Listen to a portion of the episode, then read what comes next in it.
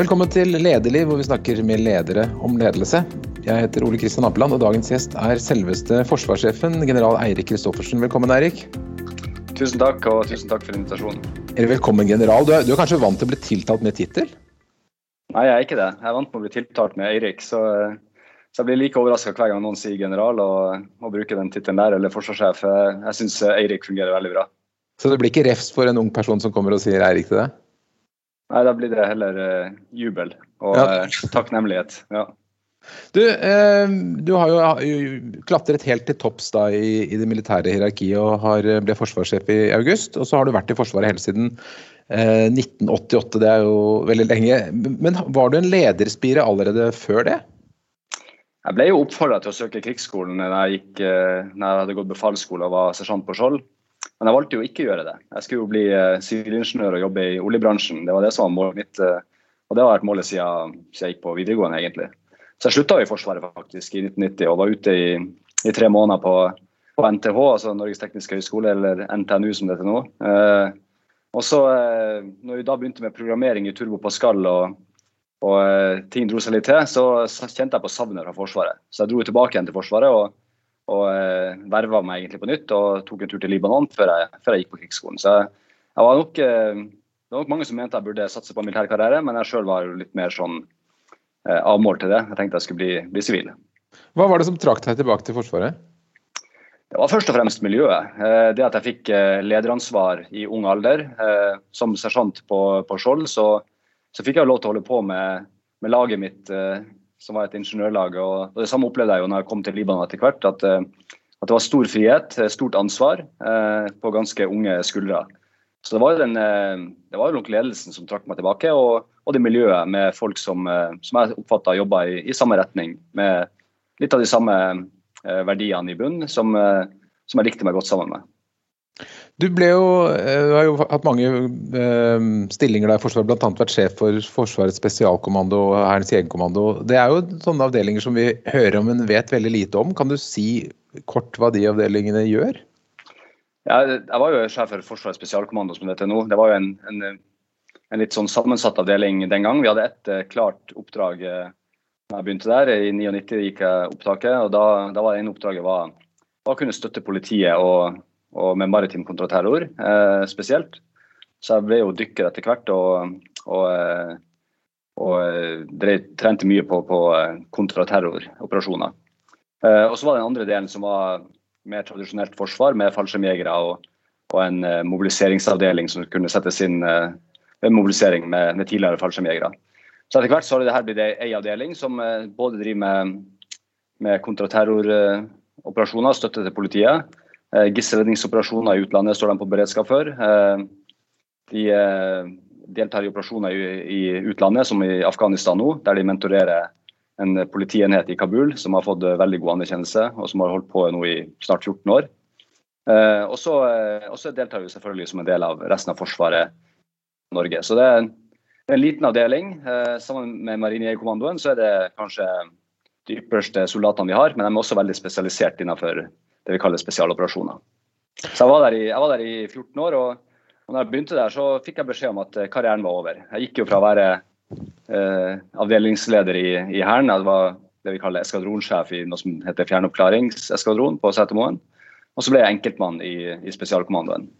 Så jeg har hatt flere sånne karrierestopp eh, ut fra de som har rådgitt meg underveis i, i, livet. Da. Først at jeg ikke søkte krigsskolen med en gang etter befalsskolen. Uh, deretter at, at, jeg gikk opptaket til spesialkommandoen og ble egentlig enkeltmann igjen. Eh, mens de aller fleste i kullet mitt hadde da fått, fått lederstillinger etter krigsskolen.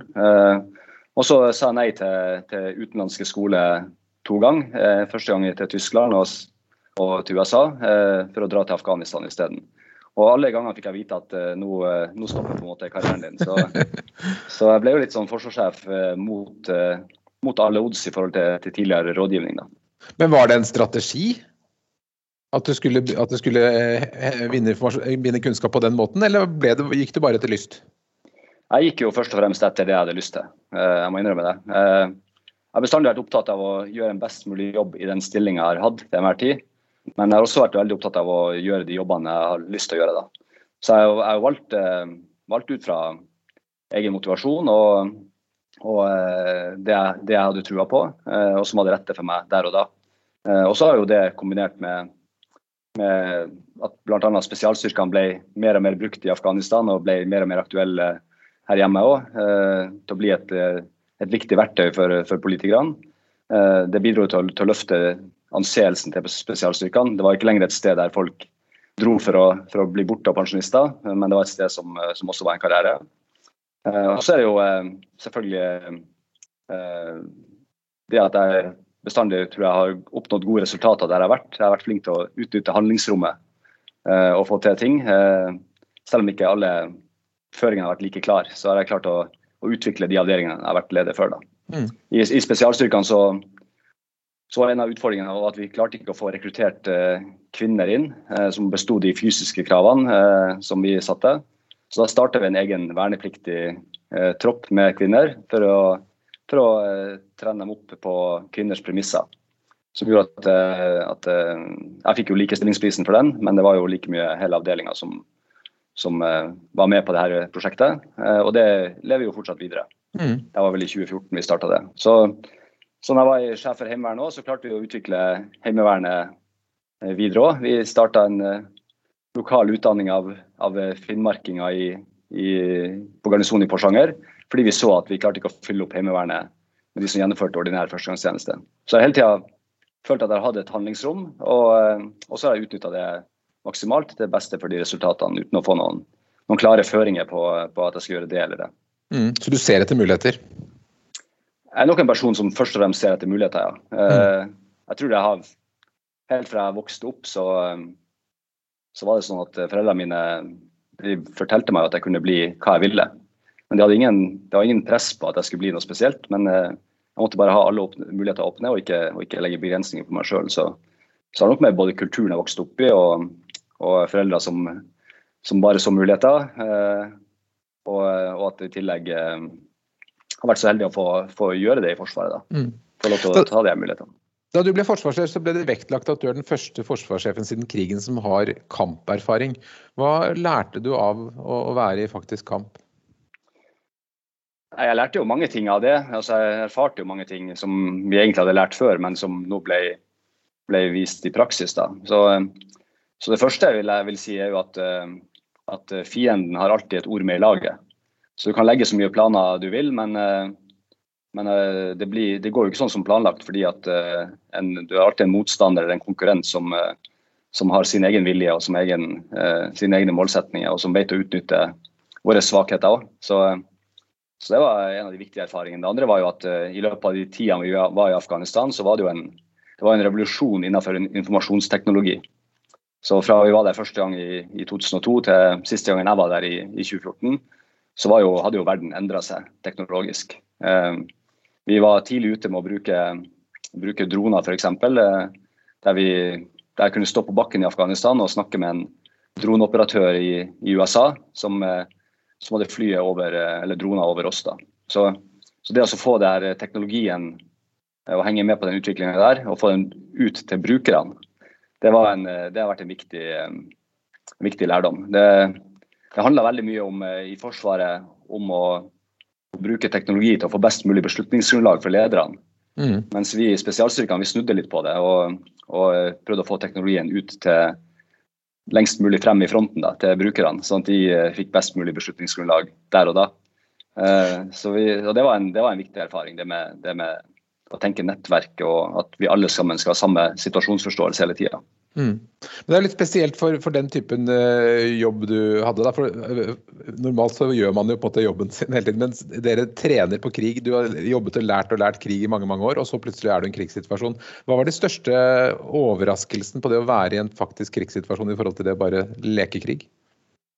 Nei, Det var ingen stor overraskelse for meg. Uh, vi, vi var godt forberedt. Vi, vi var egentlig ganske komfortable den store over, over, forskjellen var jo at, at det sto ingen og evaluerte oss eh, og var veldig kritisk eh, bak ryggen. Sånn eh, tredjepart som sto og overvåka oss og, og sa hva, som, hva, vi gjorde feil og, og rett. Det måtte vi gjøre sjøl, for det var, ingen, det var, ingen, som trente oss. Så vi, vi, vi gjorde egentlig det vi hadde trent på, men vi tilpassa det selvfølgelig situasjonen. Så jeg vil si at vi, vi, gjorde ikke akkurat det vi hadde trent på i det store bildet. Vi, vi tilpassa oss den situasjonen som var i Afghanistan veldig raskt, og, og, eh, og skjønte jo fort at, eh, at f.eks. at det handler jo ikke om å, om å gå mest mulig kamp med opprørerne, det handler jo tvert imot om å, å prøve å skape et inntrykk av at her er det trygt, sånn at vi, vi støtter opp om de afghanske sikkerhetsstyrkene. og og jeg husker En amerikansk general sa til meg at jeg måtte bare huske på én ting. Det var at if you kill 20, another 100 will arrive.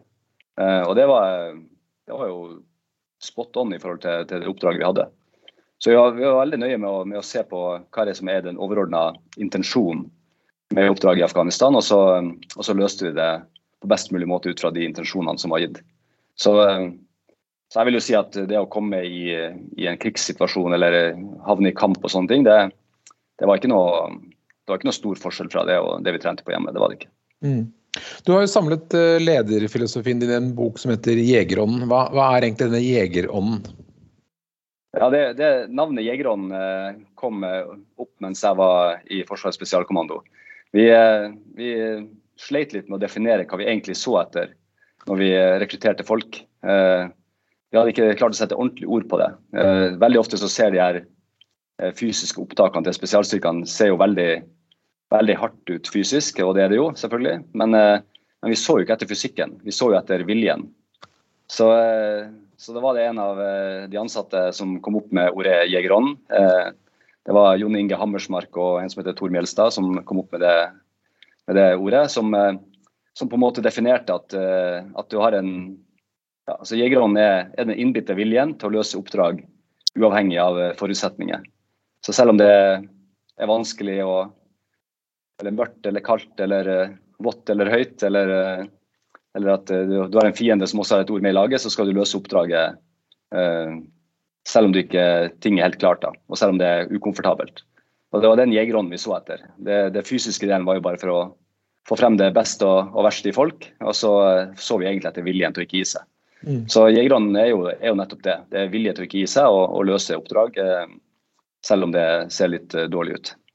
Og det tenker du er like relevant i alle slags eh, lederjobber? Eller alle slags jobber? Jeg, tenker at det er veldig relevant. Og, og vi sier jo i Forsvaret også at mennesket er vår viktigste ressurs. Og eh, det tenker jeg er relevant for absolutt alle. Det, det er folkene det handler om til slutt i ledelse. Det er ikke, det er ikke systemer med, med KPI-er eller, eller viktige spørsmål som skal besvares fra sjefen. Det, det er faktisk hvordan folkene Eh, klarer å gjøre jobben best mulig. Mm. Og, eh, jeg lærte jo på krigsskolen eh, den gangen jeg var atskillig yngre, av en pedagogikkinstruktør som sa at den eneste måten å behandle likt på, folk likt på, er å behandle dem ulikt. Jeg jo, lurte jo veldig på hva han sa, men jeg skjønte det etter hvert. Altså, folk er på forskjellige steder i livet, folk har forskjellige ting de tenker på. men alle har en egenskap som, som vi trenger, og så gjelder det å få frem det beste i folk. Og skal du få frem det beste i folk, så må du må du behandle folk eh, som de folkene de er. Mm. Så, eh, så, jeg tror det er veldig relevant for, eh, for alle. Og Undertittelen på boken er jo 'Å lede i fred, krise og krig'. Og det er kanskje ikke så stor forskjell? Prinsipielt så mener jeg at det ikke er så stor forskjell. Eh, det, det, er ikke sånn at du i en krise eh, blir noe bedre utgave av deg sjøl. Det er ikke sånn at i en krigssituasjon at du på en måte kommer, finner frem noen superkrefter det er klart du får adrenalin og og du blir mer gira, men, men det, det som skjer da, det er jo ofte at du havner ned eh, til det nivået du hadde, eh, som du har trent på. Så eh, det er ganske likt, da. Men poenget med det her er jo at, eh, at skal vi være forberedt på det verste, da, så må vi, eh, må vi gjøre det når det er stille og rolig eh, i fredstid. Og når vi har gode dager på jobben, da er det på tide å begynne å se etter hva som kan gå, gå galt. Og det er jo noe Forsvaret gjør hele tida. Vi, vi, mm vi elsker å drive med planlegging. Så, så vi planlegger hele tida for, eh, for, både det som vi ønsker å oppnå, men ikke minst eh, for alt det som kan gå, gå galt. Eh, og Det så vi jo nytten av i, også i Afghanistan. At vi hadde planer for hvordan vi skulle håndtere hvis vi mista folk, hvis folk ble skada. Hvis vi ikke fikk samband eller fikk snakka med, med hovedkvarterene. Hvis de flyene som skulle støtte oss ble borte, så så hadde vi bestandig alternative planer. Mm. Men eh, eh, dette med å se etter den liksom riktige ånden, da, eller attitude, det, pleier du å oppdage det ganske tidlig hos mennesker, eller er det noe du må bruke tid for å utforske? Litt av utfordringa mi er at jeg har et veldig grunnleggende positivt menneskesyn. Og det er et valg jeg har tatt. Eh, jeg har valgt å, å stole på folk. Eh, så, eh, så, jeg blir veldig fort si, litt imponert over førsteinntrykket. Derfor var denne grundigheten i, i seleksjonen i spesialstyrkene veldig viktig. Da, for vi, vi, var redd for uh, egentlig to, to, egenskaper som vi ikke ønska. Det var de som, som var uh, på en måte jeg vil kalle det high sensation seekers, altså folk som var ute etter det her for, for egen opplevelse. Um, og som var villige til å utfordre uh, sikkerheten i forhold til det. Og så var vi bekymra for egoisme. For det er, jo, det er jo det som er nedsida med en sånn jegerånd. At du kan i verste fall gå over over lik for å oppnå det du vil. Ehm, så, eh, så de to tingene måtte jo eh, vi se etter. Da og da, da brukte jo nettopp eh, det at folk var utslitt, og, og, se om de tok vare på de andre og tok vare på seg sjøl, som, som, som, noen av de tingene vi så etter. da. Men det er nok en, en, en, sånn egenskap som kommer også litt med erfaring. Om du, om du, om du ser på hvor raskt tid det tar å danne seg et godt inntrykk av folk. Men jeg blir også med mitt positive menneskesyn, så er det eneste som er sikkert, det er jo at, at man av og til blir skuffa. Mm. Så, så, det er nedsida med det. Man må ikke la skuffelse ødelegge et sånn grunnleggende uh, syn på folk, tror jeg. Jeg tror at det er veldig viktig at ledere tenker gjennom hvordan syn har jeg egentlig på folkene mine. Og jeg, jeg har sett det i, i krise, jeg har sett det i uh, vanskelige situasjoner. altså Folk gjør sitt beste når det, når det oppstår noe uventa. Og da er spørsmålet hvordan får vi folk til å gjøre det beste i det daglige òg. Men en ting som du har sett mye av, som jeg har også opplevd jeg jobbet med virksomheter i krise, eller ledere i krise, er jo det der eh, mangel på søvn og mat og de basale behovene kan gå ganske hardt utover folks eh, beslutningsmuligheter eller evner og, og humør og en del andre ting? Ja, det, det bekymrer meg jo som, eh, som forsvarssjef nå, da, at, eh, at, jeg skal bli en flaskehals. Så, så hvis, hvis, alt må avgjøres av meg, både i krise og i, og i, og i konflikter og sånne ting, så, så vil jeg bli flaskehalsen. Og, og, og, det vil jo gå utover min utholdenhet hvis det skulle gå over lang tid.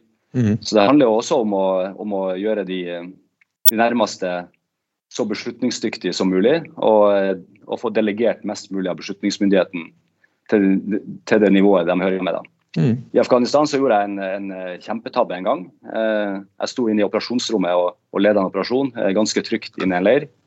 Og så var det noen folk eh, ute i en dal litt øst for Kabul som, som var i kontakt med fienden, og, og de kalte på flystøtte da, for å slippe ei, ei bombe da, på, på, det som var på, på, det området der han lederen for, for hele, hele opprørerne sto. Og, eh, og, så gikk jeg inn og brøyt av på, på samband og, og, spurte om jeg var helt sikker på at de hadde positiv ID på den eh, personen som de skulle eh, droppe den bomba mot.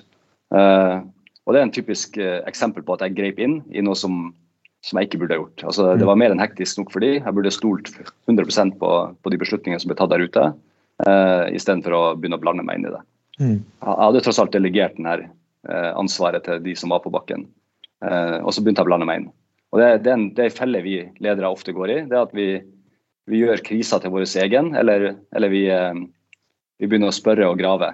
Eh, jeg, jeg, jeg, lærte meg jo i Forsvaret, da, både i, i, det som var tida mi i det som heter fjernoppklaring, altså der vi sendte patruljer ut i forskjellige steder i Norge for å rapportere tilbake, og ikke minst i spesialstyrkene. Så lærte jeg jo at uh, intet nytt er godt nytt. Men det er også veldig, veldig vanskelig å, å, som leder å, å akseptere det. Når, når, du ikke hører noe, så går det stort sett bra. Eh, for Vi har gjerne lyst til å vite enda mer og, og være enda mer på situasjonen. da. Ja, det er krevende. Du skriver også i boken at, sagt at du, du vil ha lydige Du ikke har lydighet, du vil ha lojale folk, men ikke lydige folk. Hva, hva legger du i det? Historisk så er jo det her, eh, så det her eh, mange eksempler på, på, at vi har lydige militære som, som eh, begår urett, enda de vet at det er galt. Eh, Nazi-Tyskland er jo et eksempel på det. Eh, høyt utdanna offiserskorps, høyt utdanna befolkning som, som, var lydig til en idé, til en leder som var som de, de åpenbart, i hvert fall litt, litt ute i krigen, andre verdenskrig, måtte ha visst at det var galt. Allikevel så fortsatte de. De fortsatte å slåss etter Normandie, etter slaget ved Stalingrad, der de visste at de kom til å tape. Eh, så begikk de, begikk de jo store eh, krigsforbrytelser også etter den tida. Så det, det, det, er liksom det verste eksempelet, på en måte. Sånn fra vår egen vestlige verden på, på, mm. på at lydighet går galt. Altså blind lydighet er veldig farlig. Og så er det mer sånne konkrete, nære eksempler fra Norge, der, der jeg opplever at de vernepliktige soldatene inne til førstegangstjeneste de gjør det de får beskjed om. Uh, og så får vi frostskader, eller vi får, vi får folk som, som, begår feil fordi de ikke er trygge nok på den øvelsen de skal gjøre. Fordi de, ikke, fordi de er lydige og ikke lojale. hva, hva er skillet da? Hvor går skillet mellom lydighet og lojalitet? Lojalitet går jo på at du, eh, du, eh, du, gjør sjefen din så god som mulig. Mens lydighet går ut på at du, du gjør det som sjefen har sagt. Så, eh, så, de verste eksemplene jeg har, er jo, er når folk sier at ja, men sjefen sa, og så vet de at det var feil, og så, og så gjorde de det likevel. Da, da, spiller du sjefen din veldig dårlig, da. Så mens lojale folk de vil jo si at OK, forutsetningene endrer seg, vi må gjøre det på denne måten for å oppnå det, det som vi ønsker. da. Så i, i, Forsvaret kaller vi jo det vi driver med for oppdragsbasert ledelse, eller intensjonsbasert ledelse. Det betyr at, at uh, sjefene forteller hvorfor ting skal oppnås, uh, gir en intensjon, og så er det opp til de som skal utføre, å finne ut hvordan det skal gjøres, eller hva som skal gjøres i, i detalj. og Det krever jo lojalitet og ikke lydighet. Hvis ikke så vil jo folk spørre også hvordan skal jeg gjøre det, og hva skal jeg gjøre det. Og da da, da risikerer vi at sjefene blir flaskehals, og at du ikke, at du ikke oppnår de resultatene du ønsker. Da. Nå har du vært i Forsvaret i, over 30 år. Har det vært noen eh, endring i eh, synet på ledelse og akkurat disse tingene du snakker om? Man blitt mer åpen for eh, lojalitet istedenfor lydighet? Ja, jeg, vi lærte jo det her på befalsskolen jeg gikk der i 88 år. Det var jo oppdragsbasert ledelse den gangen òg. Men jeg vil si at praktiseringa har endra seg. Eh, både gjennom eh, operasjoner på Balkan og, og i Afghanistan, eh, men ikke minst gjennom, eh, gjennom at hele samfunnet har endra seg.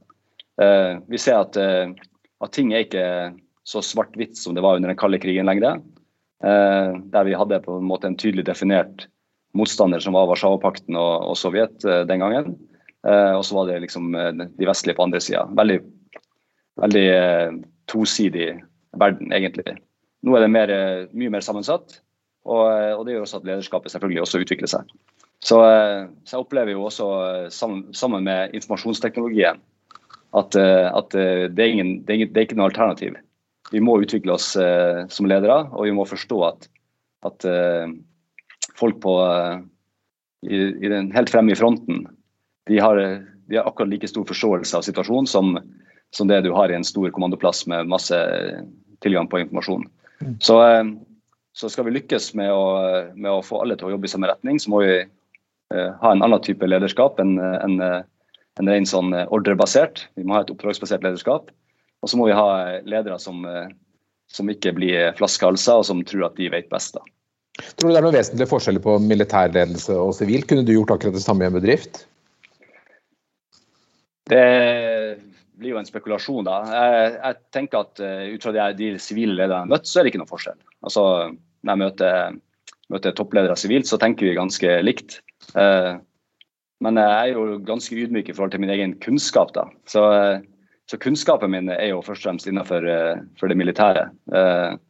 og jeg setter jo pris på å ha den, den kunnskapen i bunnen for det jeg skal lede. da. Så det kan godt hende jeg kunne ha leda frivillige organisasjoner eller eller noe eh, som var litt mer sammensatt. Men, men det å lede eh, oljefondet eller, eller lede noe, en stor bank eller noe sånt, det, det tror jeg ikke hadde, hadde følt meg komfortabel med. Det tror jeg faktisk ikke. En ting som er veldig forskjellig fra mellom næringsliv og forsvar, er jo at dere får mye medaljer. altså På Wikipedia så ligger det en lang lang liste over alle utmerkelser du har fått. Du har Krigskorset med sverd, som er det høyeste man kan få osv. Hvor mye betyr det som, som, et element i militært lederskap, det at man kan uh, belønne folk på den måten? Det betyr nok ikke så mye sånn i lederskapet. Det betyr mer mer for den enkelte som, og avdelingen som blir tildelt de her utmerkelsene. Det at, det at vi ser folk og, og anerkjenner folk med noe annet enn en lønn og bonuser, det tror jeg betyr noe. Det går litt inn i de verdiene vi ønsker å, å stå for. Altså, Forsvaret kommer aldri til å konkurrere med, med sivilt næringsliv på, på, på lønn, f.eks. Men kan konkurrere på, på, godt miljø og konkurrere på, på, godt lederskap, og helt sikkert konkurrere på, anerkjennelse. Så det er mer en anerkjennelse av at vi sender folk ut på, farlige oppdrag, og så, og så, er det noen som selvfølgelig gjør noe langt utover det vi forventer. Og da er det jo en, et sånn synlig tegn, det er jo en sånn, sånn medalje eller ei båndstripe som de får. Eh, men det starter jo med de enkle tingene. Det starter jo med at, eh, at folk gjør en god jobb og får et klapp på skuldra. Jeg tror det betyr enda mer enn en, en medaljer. Mm -hmm. Men, men, du blir glad når du får noe, du òg? Jeg blir veldig glad, og så blir jeg litt uh, sånn uh, Så jeg blir litt sånn Fått litt sånn blanda følelser, fordi at jeg har jo nesten aldri gjort noe alene. Det jeg har gjort, det har bestandig vært i lag med mange andre folk, og jeg kunne aldri ha gjort noe helt alene heller. Så, eh, så jeg, vil jo, jeg, vil jo, si at, at det er jo like mye en anerkjennelse til den avdelinga jeg var en del av, eller de folkene rundt meg, som det var til meg sjøl. Mm. Men så er det jo sånn eh, som det ofte er da i, i uh, enkelte situasjoner, så er det lederne som står frem, og det er de, de, de vi ser. Og, og, sånn tenker jeg det må være litt òg. Uh, når ledere når en avdeling gjør noe utover det vanlige, så, så er det jo ofte lederen som, som blir anerkjent. Og sånn, sånn, er det bare. Mm. Så vi har, vi har på en måte to, uh, to kategorier vi, vi, dekorerer. Det er jo de som, som, enkeltpersoner som gjør noe langt utover det som forventes, og så er det, så er det gjerne for, for, lederskap eller avdelinger. Jeg har definitivt vært i den siste kategorien. Det har vært eh, lederskap og avdelinger som har fått måte, medaljen på, som jeg har fått på deres vegne. Mm. Du var inne på at det har vært store forandringer i Forsvaret de tiårene du har vært der. Hvordan står det til med forsvarsevnen vår nå? Er vi så sterke som vi var før? Ja, Det er jo eh, veldig vanskelig å måle. da. Eh, hvor sterk var vi egentlig før? Mm. Vi har gått fra et, uh, fra et kvantitativt stort forsvar til et kvalitativt mindre forsvar. så vi har, blitt, vi har fått bedre, kvalitet i det forsvaret vi har. Og så har, fått, så har teknologien gjort at, at der vi kanskje før trengte 30 fartøy, så klarer vi oss kanskje nå med med 8-10. Eh, fordi at de kan bære mye mer sensorer, mye mer våpenlast. Eh, alt har utvikla seg. Så eh, når det gjelder forsvaret av Norge, så, så, vil jeg si at jeg er ikke så bekymra for det. Eh, vi skal klare å, å, forsvare landet vårt med det forsvaret vi har i dag. Eh, vi, eh, vi, kommer til å ha god bruk for alliert forsterkning, som også Nato har lagt opp til. altså Det er én for alle, alle for én. Men, eh, men, jeg vil jo si at Forsvaret er en del av i dag, er jo, er jo mye mer motiverende og inspirerende å være en del av enn det Forsvaret jeg var en del av eh, kanskje på, spesielt kanskje på 90-tallet. Der vi hadde begynt å bygge ned og ikke helt visste hva vi sto overfor og, og hvilken retning det skulle ta. Så jeg opplever motivasjon og miljøet og, og forsvarsviljen som like sterk, og kanskje enda sterkere i, i, i Forsvaret nå enn, enn den var den gang vi kalte inn alle til førstegangstjeneste. Ja, hva er det som de, de skaper den motivasjonen? Ja, Det er jo en uh, tro på at, på at det, vi, det, vi, gjør, virker. Da.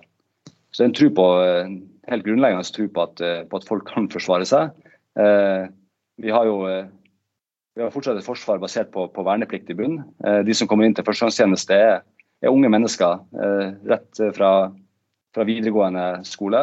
Men vi kaller inn bare 12-15% av alle nå. De som kommer inn er, er, veldig motivert. De står i kø for å komme inn. Og Vi kunne kalt inn mange mange flere, men, eh, men behovet er ennå ikke større med det Forsvaret gjør nå. Eh, så, eh, så, det gjør jo at, at, selvfølgelig utdanning går raskere. Det er nesten ikke disiplinære problemer lenger. Iallfall ikke av alvorlig art. Så, så det, er er et annet forsvar enn det som jeg opplevde på, på 80-tallet. Selv om det også hadde sine, sine klare klare styrker. da. Det at alle menn den gangen måtte inn, var jo, var jo en, en, styrke også med, i forhold til volum. Så, mm. så der er hele tida en balanse. Så, så, det er litt vanskelig å sammenligne, for det, det, er, for, det er et forsvar for hver tid. Hvis jeg skulle ønske én ting som forsvarssjef nå, så, og det har vært tydelig på opp mot de fagmilitære rådene, det er jo at, at volumet er såpass lite at folk opplever å, å, stå i en litt spagat mellom operasjoner i utlandet, beredskap hjemme og, og trening og øving. så det, folk strekker seg langt for, for å løse jobben med, med det forholdsvis lille forsvaret vi har igjen i volum i forhold til det vi hadde. Men tenker du at det blir en annen um, forankring eller legitimitet i befolkningen med at det er mye færre som nå er inne mot, mot den gang da jeg var i militæret f.eks.? Det er jo et eh, spørsmål vi stiller oss hele tida. Eh, hva betyr det at eh, færre og færre gjennomfører førstegangstjenesten? For det er jo eh, all militærteori fra mange hundre år tilbake tilsier at det er jo, det er jo, det er jo en nasjon sin styrke, da, en nasjon sin motstandskraft, er helt avhengig av at det er stor tillit mellom folket, maktutøverne og, og myndighetene. Og Jo færre som kjenner til maktutøvelsen da, i Forsvaret, så kan man si at eh, det kan, være, det kan endre eh, forsvarsviljen. Da. Samtidig så ser vi at i nasjoner som f.eks. USA, som har et helprofesjonelt forsvar, så er, det, så er det veldig stor forsvarsvilje og stor oppslutning rundt det militære. Eh, for en liten nasjon som Norge så er vi helt avhengig av, av verneplikten i bunn. Eh, og Så gjelder det å finne ut hvordan eh, vi skal, vi skal videreutvikle den. Eh, og Jeg har jo noen ideer om, om, at kanskje vi burde ha gjennomført en form for eh, førstegangstjeneste for alle. Om det så bare var tre timer med, med forståelse av hvordan samfunnet er skrudd sammen beredskapsmessig. Vi ser jo at det vi blir utsatt for hver dag i Norge, det er jo, det er jo digitale angrep mot digital infrastruktur eh, informasjonsuthenting. Vi blir utsatt for, eh, for eh, forsøk på å undergrave kan du si, demokratiet sin styrke gjennom falske nyheter og, og spredning av, av de. Eh, og Det er to konkrete ting som jeg tenker vi alle burde ha et bevisst forhold til. For Det hadde gjort Norge sterkere hvis, eh, hvis vi alle var, var gode på, på, å finne ut hva vår rolle i totalberedskapen er. Mm. Så det, det, er ting som jeg har tenkt å å se på nå når jeg er blitt forsvarssjef, om, om, det finnes måter å gjøre det på som, som er effektive, sånn at alle på en måte har bidratt. Spennende. Nå har du fått inn mye flere kvinner i Forsvaret. Hva har det, hva har det gjort med, med, Forsvaret? Det har jo forandra Forsvaret, selvfølgelig. Det har forandra kulturen, eh, mener jeg. Fordi vi har fått en mer, eh, et rikere forsvar på mange måter. Vi har fått et forsvar som er mer i takt med samfunnet for øvrig. Eh, fordi vi har økt antall kvinner. da. Så eh, så jeg ser jo det i, eh, Indre Troms eh, når vi innførte allmenn verneplikt, og, og, plutselig så, så du masse kvinnelige soldater eh, inne til førstegangstjenesten. Og det skjedde over natta.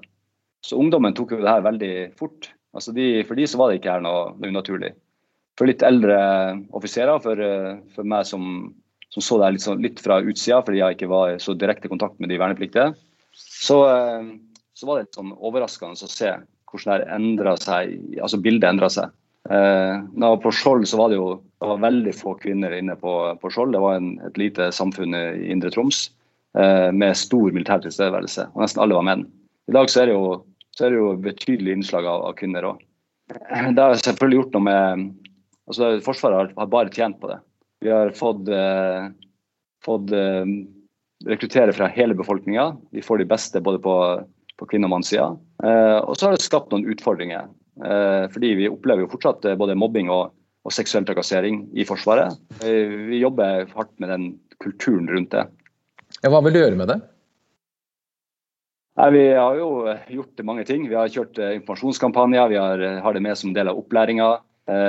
De konkrete tingene jeg har tenkt å gjøre nå etter denne undersøkelsen, her, driver jo nå fortsatt å å finne ut av sammen med de, de tillitsvalgte. Det vi ser er at det, det, er blant de yngste at tilfeller av både mobbing og seksuell trakassering er størst. Og det er gjerne den type mobbing og seksuell trakassering som, er, som blir oppfatta som ikke så veldig alvorlig. Så de varsler ikke om det heller. Det er fleipete kommentarer, det er, det er snakk om eh, ja, helt enkle ting som rundt uh, at du får kommentarer fordi du er, du er kvinne. Uh, og så ser vi at, at det, det er de yngste kvinnene som blir mest utsatt. Og de som utsetter dem for det, er de yngste mennene eller nærmeste leder. Mm. Så, eh, så, vi må være mye mer målretta mot de. Nei, helt konkret så, det, så, handler det om å for det første gjøre folk klar over hva som er mobbing og seksuell trakassering. Uh, og der var jo den Spørsmålsstillinga i undersøkelsen var veldig oppklarende. Så vi gjort de spørsmålene om til, til, til, at det her er faktisk mobbing og seksuell trakassering. det er ikke akseptert med sånn, sånn språkbruk her i Forsvaret. Og det andre er jo, er jo, selvfølgelig å sette inn innsatsen mot, mot de der problemet er størst, altså blant de unge. Og Det ble jo også gjort forrige gang med informasjonskampanjer og sånne ting. Men, vi, men jeg må sammen med de tillitsvalgte finne ut hva som egentlig er de, det som virker best. da. Jeg tror de har bedre svar enn jeg har. Det, det, siste, det siste, jeg kommer til å gjøre også, det er også også I Forsvaret så har offiserene gjerne stått litt kort tid i stilling. Det har vært, eh, Sjefsstillingen har vært i to-tre år. Eh, jeg mener at vi kan strekke det lengre. da. Så En typisk eh, bataljonssjef i Hæren han, han, er bataljonssjef i to år. Det er klart Da får du ikke grep om, om kulturen i avdelinga før du skal videre på neste jobb. Mm. Så Det å få, få lengre ståtid på offiserer òg vil bidra til det. Og så har vi innført et, eh, et eh, spesialistkorps i Forsvaret på befalssida. Altså på sersjant og, og, den type stillinger, som, som er, der du nå kan verve deg og stå lenge. da. Eh, så Det vil også bidra over tid til at, til at vi får bukt med problemet. Men, men, problemet krever langsiktig innsats, det er ikke noe tvil om det. Nå har du fått ansvar for denne store organisasjonen som er si, høyt og lavt i, i, hele landet vårt. Hvordan prioriterer du tiden din, hvor du skal være og hvordan du skal bruke dagene? Det var en ganske stor utfordring. Ja, nei, For det første så, så, må jeg stole på sjefene mine. Så Jeg har en sjef for Sjøforsvaret, Luftforsvaret, eh, Heimevernet. De sjefene de må få lov til å gjøre jobben. De må få være i fred og, og gjøre jobben. Uh, og denne eh, Pandemien har jo lært oss å utnytte de digitale systemene vi hadde, enda bedre. Og å rulle ut nye systemer. Så, så, For meg så er det viktig at sjefene får lov til å være der ute og, og gjøre jobben sin eh, mest mulig. Eh, uten å bli kalt inn til møter eller seminarer eh, hele tida. Mm. Så, eh, så, det er den ene, ene, biten av det. Det andre er at, at eh, jeg kan ikke rekke overalt hele tida. Å eh, definere sin egen viktigste rolle tror jeg gjelder for sjefer på alle nivå. Og Min viktigste rolle er akkurat lik i fred, krise og krig. Det å være rådgiver for, for statsråden og, og regjeringa. Det er å holde kontakten med allierte kollegaer og, og venner.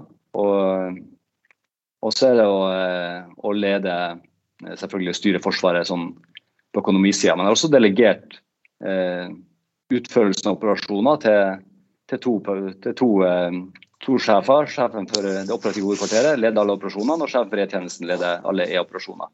Så jeg leder jo ingen operasjoner personlig. Eh, og det, Sånn skal det være også i, i krise. Så, eh, så, det å organisere Forsvaret likest mulig i fred, krise og krig er på en måte mitt prosjekt da, som eh, forsvarssjef, sånn at vi ikke legger planer som bygger på på at folk skal bytte plass eller være et annet sted når krisen treffer der de er til daglig. Så vi mm. har klare, klar, klart definerte ansvarsområder, klart definerte myndighetsområder.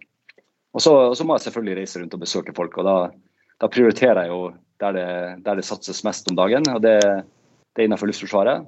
Oppbyggingen på Ørlandet og på Evenes. Og så er det oppbygginga i Finnmark eh, for Hæren og Heimevernet. Det er det, det, aller viktigste for meg. Hva er det viktigste du ønsker å utrette i din periode som forsvarssjef? Nei, jeg håper jo at, eh, at, eh, at jeg som forsvarssjef etterlater meg et forsvar som er, som er der ambisjonsnivået stemmer med, med, de ressursene og de midlene og den, de folkene vi har. Sånn at vi har et forsvar i mest mulig balanse, eh, og som også er fremtidsretta. At vi har lagt grunnlaget for å for at det skal være enda bedre. Så jeg håper jeg etterlater meg et forsvar i, i, litt bedre stand enn det jeg overtok. Uh, det tror jeg har vært målet til alle sjefer i alle år. Uh, det skal være litt sånn konkret, så er det jo at, at nettopp at Forsvaret skal være forståelig organisert. Så, sånn at, at vi, vi, gjør ikke ting annerledes i en krise eller en, en krigssituasjon enn det vi gjør til daglig. og at vi er tydelig til stede med norske soldater, norske fartøy og norske fly i i de viktigste strategiske områdene, som i dag er, er nordområdene og grensen mot, mot, Russland. Der må Norge være tydelig til stede. Og så også for egen del så håper jeg at det er en forsvarssjef som, som er tilgjengelig for folk, uh, og, som, og, som, folk husker som, som forsvarssjef som, som, eh, som, var jordnær, og som var ydmyk, og som gjorde sitt beste. Mm. Hvis jeg skal være helt sånn konkret personlig. Ja, det er bra. Hvis det kommer en ung person til deg Erik, og sier jeg har lyst til å bli en god leder, jeg vil bli sånn som deg, hva er de tre viktigste lederrådene du vil gi? Ja, For det første så må han ikke prøve å bli sånn som meg. Han må bli den beste utgaven av seg sjøl. Eller han eller hun. Det, det, det, tror jeg er kjernen. da. Altså, Vær deg sjøl. Eh, men vær åpen også for tilbakemelding. og utvikle deg sjøl hele tida. Det andre er jo at, at, at den lederen må ta vare på seg sjøl. Så, så, det er altfor mange som brenner kruttet altfor tidlig. Og, og, jeg vil kalle det selvpåført stress for at man har det så travelt. Så, så være seg sjøl, ta vare på seg sjøl. Eh, og så definere hva som er kjernen i, i handelslederskap. Altså, I Forsvaret kaller vi det for å, for å, løse oppdraget og ta vare på folkene våre. Eh, men da må du for det første vite hva oppdraget er. Du må, du må klare å definere hva det egentlig jeg skal gjøre. Eh, og for det andre så, så må du, være, du må like folk. Hvis du ikke liker folk, så bør du ikke bli leder. Da bør du finne noe annet å gjøre. Da kan du sikkert Eh, gjøre mange gode ting, men, eh, men, men, i utgangspunktet, hvis du ikke har sansen for å være sammen med mennesker og, og like dem, så, så, eh, så, blir du ikke noen god leder. Mm. Hvis det er tre ting, så er det nettopp det at, at vær deg sjøl, utvikle deg sjøl hele tida, ta vare på deg sjøl. Og, og, da tenker jeg helt konkret på å holde seg i form, eh, ta vare på helsa, eh, balansere jobb og fritid. Og så er det, er det nettopp å, å finne ut hva det er hva det egentlig er som er mitt ansvar, og, og ikke stresse seg opp fordi man skal ta på seg mer ansvar enn man har. Det er fine råd. Eh, jeg kunne tenke meg helt til slutt å høre en historie som jeg vet at du har om bestefaren din eh, som, eh, fra krigen, som beskriver en ganske fantastisk heltemot, og som jeg vet har inspirert deg. Ja, jeg vokste opp i, i Bjerkvik i, i, i Nord-Norge. og nabo, nabobygd til, til, Narvik, som er en litt mer kjent by. Eh, der var det jo et stort slag i, i andre verdenskrig. Eh, flere slag, egentlig. Men Bjerkvik ble jo okkupert tidlig av, av tyske styrker. Og, og, bestefaren min bodde på en gård i Bjerkvik. Han bodde helt, helt vest i bygda. Og 13. mai så skulle jo Bjerkvik frigis. altså 13. mai 1940 så skulle Bjerkvik frigis av allierte krigsskip. Eh, og de skulle være landsetting. Så den første landsettinga med fremmedlegion og britiske styrker. Eh, den første landsettinga i andre verdenskrig, faktisk, der de gikk i land på ei, strand. Så I, opptakten til det der så, så kom jo det her krigsskipene inn i fjorden. og og De hadde informasjon om at uh, sildebeholdninga var evakuert, og det var tyskere som okkuperte bygda. Og Så stemte ikke den informasjonen. Uh, de Sivilbefolkninga var kommet tilbake igjen, etter riktignok å ha vært evakuert en stund. Uh, og Så begynte de krigsskipene å skyte opp eh, byggene i Bjerkvik eh, for å gjøre klar for, for landgangen. Eh, og Der så jo bestefar, som bodde, bodde litt utenfor bygda, og sto og så på der utspillet utspille seg. De skjøt egentlig opp hus fra øst mot vest. Han bodde vest. Så han ble fortvila, fikk familien ned i kjelleren og tenkte sikkert hva gjør jeg nå? Han måtte jo få stoppa der. Og tenkte han. Sivil bonde, småbruker. Eh, han eh, tok med seg etter å ha fått familien i kjelleren, så tok han med seg yngste sønn, altså onkel Otto, som da var under et år. Og Så fikk han med seg nabogutten som heter Anton Skau, og så sprang de ned til de få hundre meterne ned til sjøen og, og ned i naustet og tok ut robåten og, og rodde ut mot de her krigsskipene eh, for å vise at det var sivile. Og Beskytninga foregikk jo eh, mot bygda. Masse støy. Eh, kaoset utspant seg jo i Bjerkvik. Folk ble jo drept. Eh, og så når de nærma seg krigsskipene, så holdt han opp eh, onkel Otto, da, den lille babyen, for nettopp å vise at her er det sivile til stede. Eh, og så fikk han etter hvert kommet helt inn til, til et av skipene og, og, fikk kontakt med den norske losen om bord og fikk fortalt hva som var i ferd med å skje. da. Så, så jeg tenker at han var, han var i en veldig fortvila situasjon. Han, han, han, gjorde opplagt det som han trodde var rett, og det eneste han kunne gjøre for å, for, for å vise at her er det sivile som blir drept. Uh, jeg tenker at det, det, er en historie om, om, mot utover det som forventes, og en historie om uh, at vi alle kan gjøre en forskjell uh, i en situasjon som kan være helt fortvilende. så er det fortsatt enkeltmennesker som utgjør store forskjeller. Fantastisk historie. Tusen takk skal du ha for at du kom til Lederliv, Eirik Kristoffersen. Takk skal du ha.